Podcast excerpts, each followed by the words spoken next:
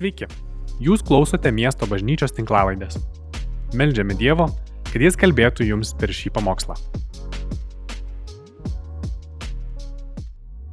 Sveiki.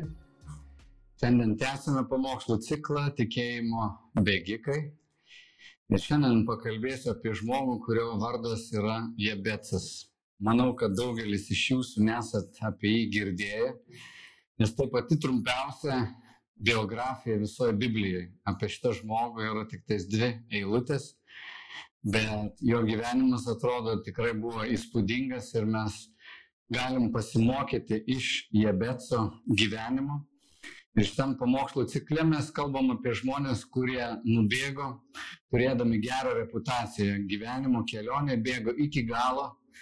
Ir kaip jie gyvena, mes galim iš jų mokytis, paimti pavyzdį, nes esam tokiam laikė, kur tų influencerių tikrai yra daug, daug kas šmėžuoja prieš mūsų veidus ir mūsų smegenys tokios yra, mes nuo pat gimimo įpratę kopijuoti, lygintis, stebėti, perimti kažkokius madas, įpročius, nuostatas.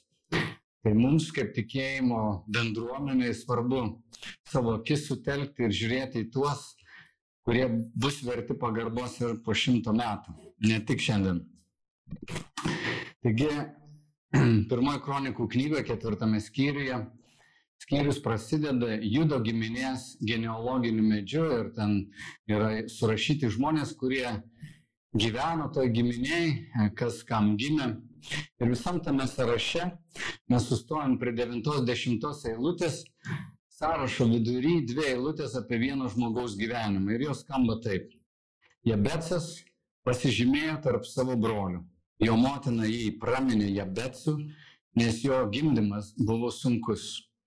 Jabecas šaukėsi Izraelio Dievo. Norėčiau, kad tu mane laimintum ir praplėstum mano krašto sienas kad būtum su manimi ir saugotum mane nuo pikto, kad nepatirčiau vargo. Dievas suteikė jam tai, ko jis prašė. Štai visas žmogaus gyvenimas į dvi eilutės telpa. Apie tavo ir mano gyvenimą turbūt niekas nei dviejų eilučių neparašys, taip kad po kelių tūkstančių metų kas nors apie mus kalbėtų. Tai čia nėra taip mažai. Mes kalbam Lietuvoje apie Jebecą, kuris gyveno prieš porą tūkstančių metų. Ir čia pasakyta, kad jis pasižymėjo tarp savo brolių, arba tas žodis pasižymėjo, reiškia, jis buvo vertas didesnės pagarbos. Kažkokiu būdu Jebeco gyvenimas pasižymėjo taip, kad savo giminiai jis tapo, na, įtakingu žmogumi, svarbiu žmogumi, aukštesniu už kitus. Aš norėčiau su jumis tiesiog pereiti per tas eilutes ir pasiūlyti, kad mes išmoktume melstį šitą maldą. Nes šita malda iš tikrųjų yra labai tokia paprasta, bet gili ir verta mums tokia malda melsis, galbūt net kasdien melsis. Taigi Jebecas pradeda savo gyvenimą gan sunkiai, kai jis gimsta, mama duoda jam vardą Jebecas ir kuris reiškia kančia arba skausmas. Ir, na, pradžia sudėtinga, bet mes žinom, kad jo gyvenimas baigėsi gerai. Ir kartais taip yra su mūsų, na, praeitimi, ar ne, kad ateini į šį pasaulį ir tikrai gali būti nukentėjęs arba netoj starto linijoje. Kažkas, žinai, pradeda bėgimą, Ir jie jau gal 10 km toliau už tave nužengia nuo tos dienos, kai gimė.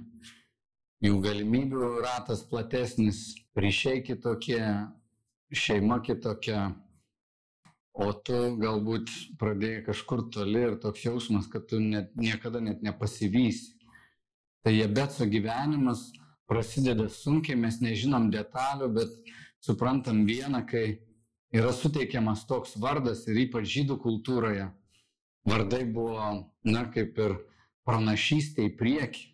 Kai būdavo duodamas vardas, tai, tai būdavo bandoma nusakyti netgi jo ateitį. Tai galim įsivaizduoti, kad tas gimdymas buvo toks sunkus, gal jį gimdė kelias paras, e, sukėlė labai daug skausmo, mama buvo visiškai išsekusi, kad kai jis gimė, jinai sako, čia skausmas, čia vargas, čia ir duoda jam tokį vardą, na, ne pats gražiausias vardas. Bet jam prilipdama tokia etiketė, tu man tiek kančios jau suteikiai, tiek skausmų suteikiai, kad galbūt ir visas tavo gyvenimas toks bus. Žinai, kartais mes ateinam šį pasaulį, duodam mums vardą, ten Jonas Petras, ar Antanas, ar Saulis, ar Darius, ar, ar nežinau, Asta ir Birutė, kažkokį tavo vardą, bet per tuos pirmus metus tu gali išgirsti labai daug kitų vardų. Kvailys, idiotas, nevykėlis, tau nieko neišeis, tu toks kaip tėvas, tu tokia kaip motina. Etiketės mums klyjuoja, ar ne? Ir Ir gali tu eiti iš tikrai susiformavusiu tokiu mąstymu, kad tavo gyvenime bus vien nesėkmės. Tai čia būtų, galima sakyti, Jebeco gyvenimas tarsi užprogramuotas jau na, nesėkmiai. Ir tas vardas jis iš tikrųjų atrodo turėtų nulemti jo visą gyvenimo ateitį. Žinau, kaip Jokūbas, ar ne? Oezavas ir Jokūbas. Jokūbas reiškia tas, kuris paima arba sugrebia, arba, na, jis toks stumdo reikalus, apgavikas. Ir jis toks buvo, paskui jam duotas buvo naujas vardas Izraelis. Na, bet Jokūbas reiškia tai Saliamonas, pavyzdžiui, kilęs nuo žodžio ramybė arba taika ir Saliamonas buvo pirmasis Izraelio karalius, kuris gyveno taikoje. Prieš jį Saulis ir Dovydas nuolat kariavo. Tai tie vardai tokie reikšmingi. Turim suprasti, kad kai skaitom apie mamą, į visą gyvenimo istoriją, tokią trumpą biografiją įtrauktas va šitas vardo paaiškinimas ir mamos nusistatymas, tai turėtų suteikti mums vilties, kad praeitis negarantuoja, kad ateitis bus tokia, kokia buvo praeitis, kad kažkas gali gyvenime įvykti. Ir, ir nesame tokie jau, na, aukos, kad negalėtume nieko pakeisti. Daug svarbiau yra, ką Aš noriu rinktis, kur aš nusprendžiu eiti, kuo aš norėčiau tapti ir aš galiu judėti toliau. Ir va dešimta eilutė prasideda tokiais žodžiais. Jebecas šaukėsi Izraelio Dievo. Jebecas šaukėsi Izraelio Dievo. Jeigu tavo gyvenimas, tavo praeitis buvo tokia sunki, kad tu net nenori nieko prisiminti, yra vieta, kur tu gali ateiti prie Dievo kojų, prie Kristaus Jėzaus kojų ir šauktis jo. Ir prašyti kitokios ateities, kitokio gyvenimo. Ir čia labai svarbi tokia detalė, kad ateit pas Dievą tu turi jaustis, na, mažesnis. Mes einam skolintis pinigų pas, pas gatvės benami kažkokį. Mes einam skolintis pinigų pas tą, kuris turi pinigų. Jeigu mums reikia pagalbos, mes einam pas tą, kuris mums suteiks pagalbą. Ir čia yra toks, na, silpnumo momentas, kada gyvenime tu atsiduri kažkokiam išbandymė sunkume ir tau reikia prašyti pagalbos. Arogantiški žmonės, savim pasitikinti žmonės dažnai sako, religija yra tiesiog ramstis. Ar ne, man atrodo, Karlas Marksas apie tai sakė. Ir opimų vadino, liaudės opimas religija yra, bet taip pat, nu, tokia paplitusi mintis silpniesiems, tie, kurie nieko negali, jiems reikia kažkuo įtikėti, kad kažkas ten tvarko danguje reikalus. Bet vėlgi man ta arogancija tokia žmogiška, jinai labai aiški ir iliuzija yra, kad žmogaus gyvenimas toks trapus, kad šiandien netgi mažiausiam virusui paplitus mes visi, žinai, visas pasaulis sustoja, kažkas vyksta, žmonės bijo, užsidaro, uždarom šalis. Tai tokia smulkmena. Bet mažit pati paskutinė smulkmena bus, kai mes iš šios žemės išeisim, kažkokia lyga mus pakirs šiaip nuo senatvės galbūt mūsų gyvenimai tokie pažeidžiami, kad galvoti, kad mes gyvensim per amžius arba kad mes esam tokie kieti ir mums nereikia jokios pagalbos, tikrai tikriausia iliuzija, kuri nu, sugriūna, kai sakau, net labai nedideli dalykai ateina mums kaip išbandymas. Ir kaip žmonės turėtume pripažinti, jog esam kūriniai, tai tikėjimo visai bendruomenė, mums visiems namiškiam sakau, tikras dvasinis augimas pasižymi tokia trajektorija. Tu pradedi, sakai, aš, man esu kietas, aš galbūt nesu dar taip sugriovęs savo gyvenimą. Arba, sakai, aš labai labai sugriovau, bet man reikia Dievo. Ir vienas ir kitas sako, man reikia Dievo. Ir paskui galvoju, va, su Dievu tai varysiu, aš tai būsiu galingesnis ir galingesnis. Bet tikrasis dvasinis gyvenimas, jis eina tokia trajektorija, kad tu vis silpnėjai ir silpnėjai. O Dievas tavyje stiprėja ir stiprėja. Um, tu mažėjai, Dievas didėja. Dvasiniai kelioniai, kai mes ateinam pas Dievą, mes ateinam su bankrotu ir kuo ilgiau gyvenam, tuo labiau suprantam, ant kiek tragiškai mes esam bankrutavę. Kad mums neišeina mylėti Dievo tobulai, mes nesugebam savo sutoktinio mylėti tobulai, mes nesugebam būti ištikimi, mylintis ir geri savo kaimynui, savo giminaičiai, savo artimiausiam žmonėm.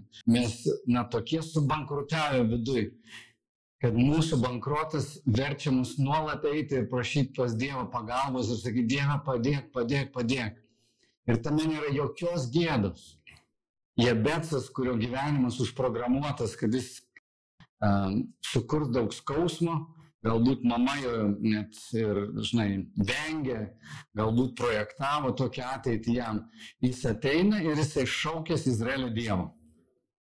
Tai žinok, kad šauktis Dievo yra geriausia, ką tu gali daryti. Tu gali šauktis, eiti pas jį ir tavo silpnumas nėra jokia gėda. Silpnumas nėra joks pralaimėjimas. Galbūt, kaip apaštalas Paulius gyvenimo pabaigoje pasakysi, aš buvau didžiausias iš nusidėlių. Ir visgi Dievo malonė tokia didelė buvo, kad aš nuveikiau daugiau nei visi kiti.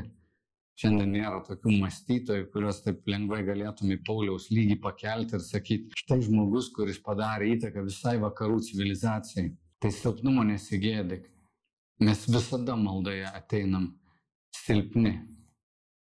Silpni. Ir Kristus tampa mūsų stiprybė. Na, ko meldžiasi šis vyras? Kokia jo malda? Sako, norėčiau, kad tu mane laimintum. Įsivaizduok, tu kur nors atsidurtum kambarį, kur žymus koks nors pamokslininkas meldžiasi. Tiklaupęs, užsidaręs gal duris, ar tu pro praviras duris, girdi tokią maldą. Viešpatie, palaimink mane. Mane. Taip savanaudiška. Palaimink mane. Bet palaiminimai Dievo niekada nėra sutelkti į šiaip tokį pripildymą mūsų kažkokių užgaidų tenkinimą arba tokio mano gyvenimo praturtinimą, kad aš galėčiau taukuose, žinai, voliotis ir džiaugtis gyvenimu ir žiūrėti, kaip kiti vargsta. Jis ateina pas Dievą ir sako, palaimink mane. Mes bažnyčioje, miesto bažnyčioje turim vertybę tokią, sakom, siek sveikatos. Rūpinkis savo dvasinę, finansinę, emocinę fizinė sveikata.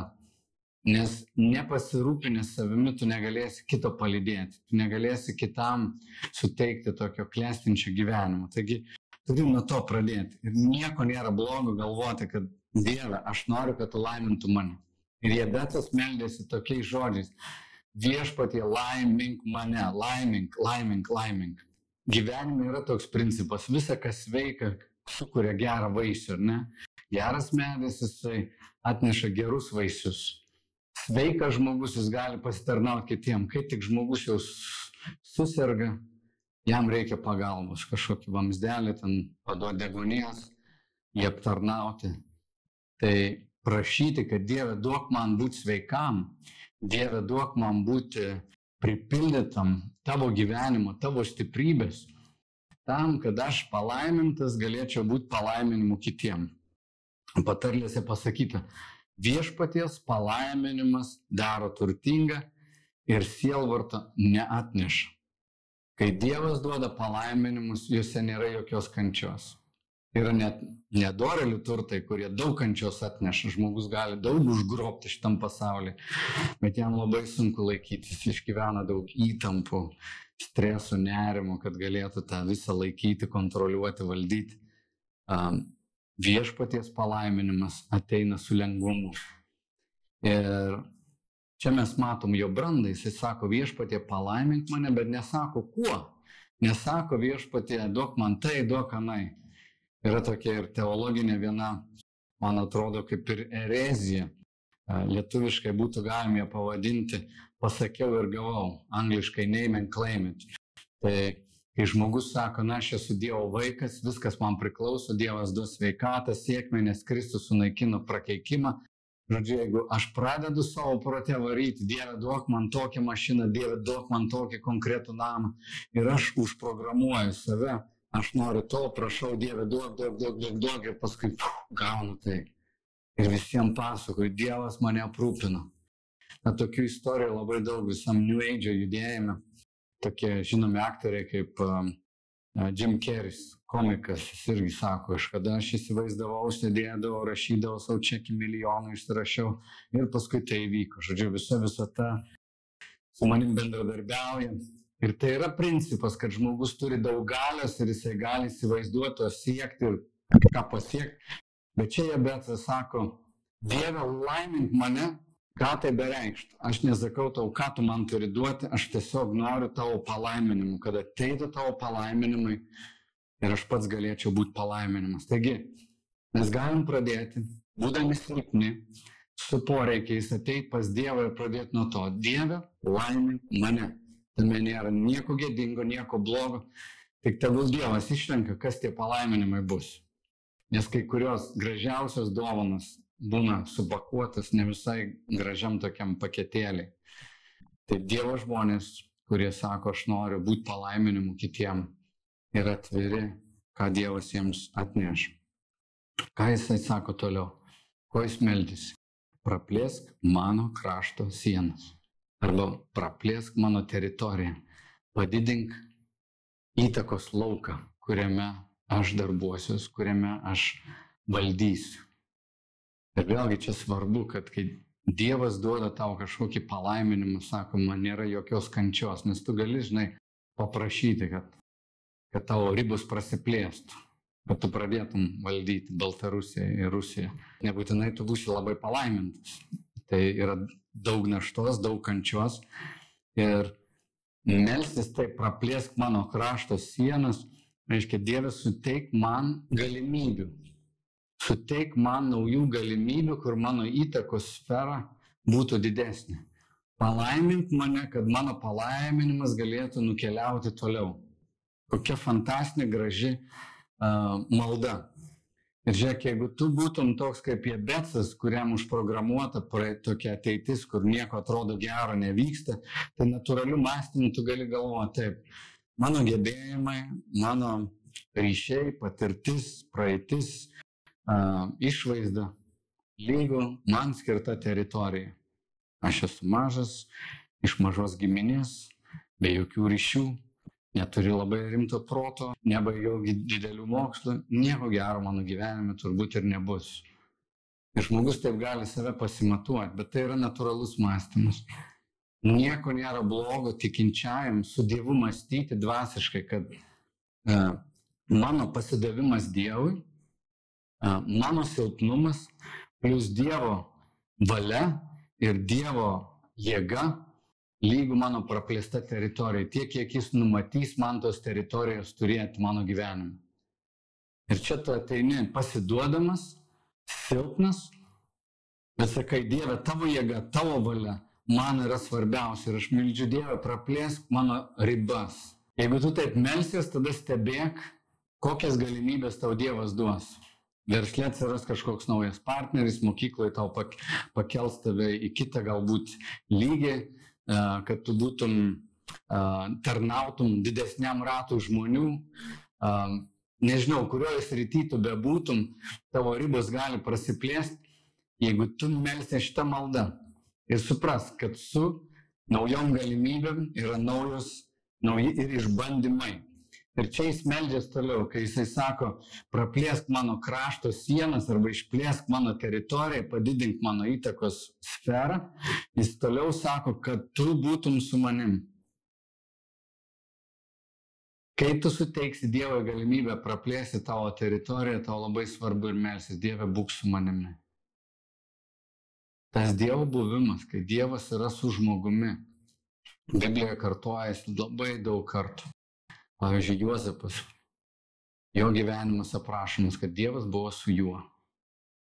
Dievas buvo su juo ir jam viskas sekėsi. Tai kartojama ir kartojama ir kartojama. Ir turi suprasti, kad kai tu paprašysi Dievo naujos teritorijos, didesnės įtakos, kodėl tau reikia prašyti, kad Dieve būk su manimi, kad tavo antgamtinis palankumas lydi mane.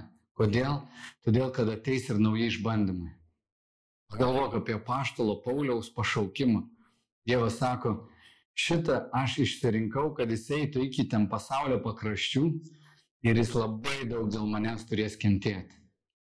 Aš net šiandien su bičiuliu sėdam ir šnekam ir pagalvoju apie paštalą Paulių, kad jis išgyveno tiek daug išmėginimų, bet apie vieną jis sako, buvo penkis kartus nuplaktas, 40 be vieno kirčio.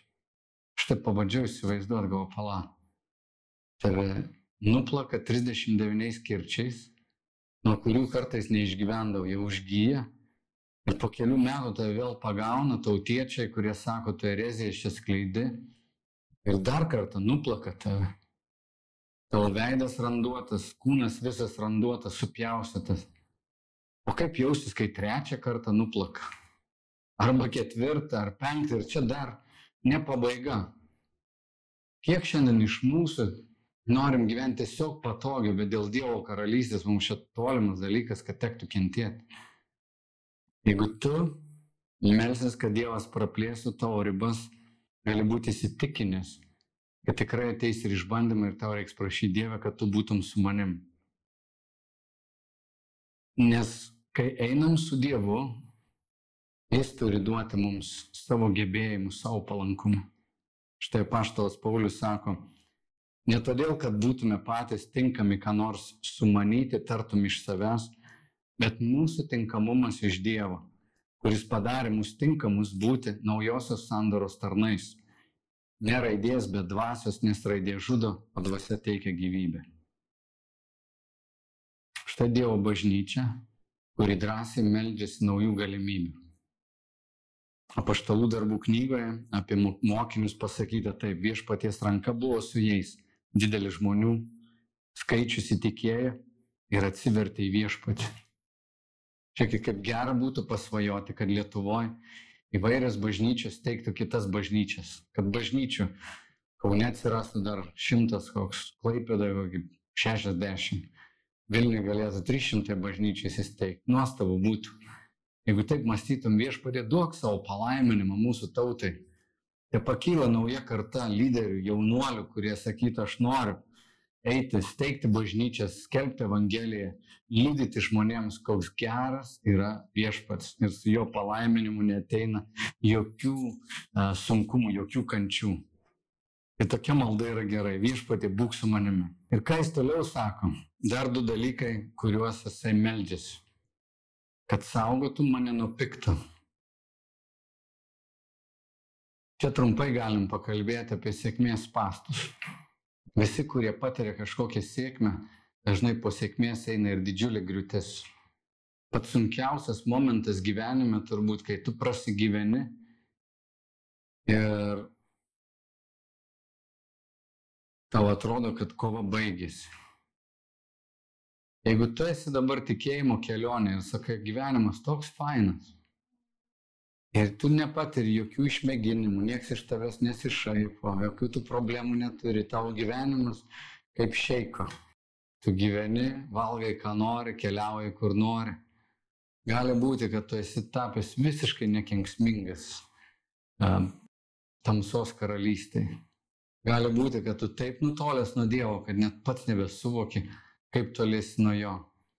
Nes visi, kurie seka Kristų, bus išmėginami Visi, kurie seka Kristų, bus gundomi, atakuojami. Ir šiandien, brangiai, man atrodo, kad Lietuvoje mes daugelis taip prasigyvenom, tiek daug atėjo tokios apatijos dvasinis, kad net nusiristi ten iki, nukeliauti iki maldos susirinkimo, atsikelti ryte pasimelsti, o atrodo, ai, Man tai atrodo didelė tragedija ir jisai sako viešpaties, kad saugotų mane nuo pikto, nes jis supranta, kada ateis gyvenime sėkmė, jie atneš ypatingus gundimus ir išbandymus. Dovido nuopolis buvo ne tada, kai jisai su galijoto ėjo kautis. Bet kai jau praturtėjęs, pasistatęs didelius namus, pas, pasiruošęs bet kokiom negandom, turintis didžiulę armiją, jisai tada pamato moterį, kurios užsigeidžia ir paslysta jo sąžinė, kažkur užmiega. Tai vad praturtėjimas iš tikrųjų yra, e, kaip pasakyti, pavojus. Ir, ir, ir, ir joks ne, mm, žodžio nerandu, nė, nėra joks laimėjimas dvasiniai kelioniai. Man vienas bičiulis, kuris šiandien jau nebe su mumis, jis nusižudė užsienį. Jis sako, kai mes su žmonai tikėjom, jis kalėjime sėdėjęs keletą kartų, subadytas buvęs, žodžiu, daug iškentėjęs, Kristus jį pagavo, jis atgailavo. Ir jis sako, mano laimingiausias dienas, paskui iš Lietuvos išvažiavo, vėl praturtėjo, sako, grįždavo čia į Lietuvą, atvažiuodavo, sako, aš noriu bažnyčiai paukoti. Ir atneždavau kas, ten pinigų užsidirbęs.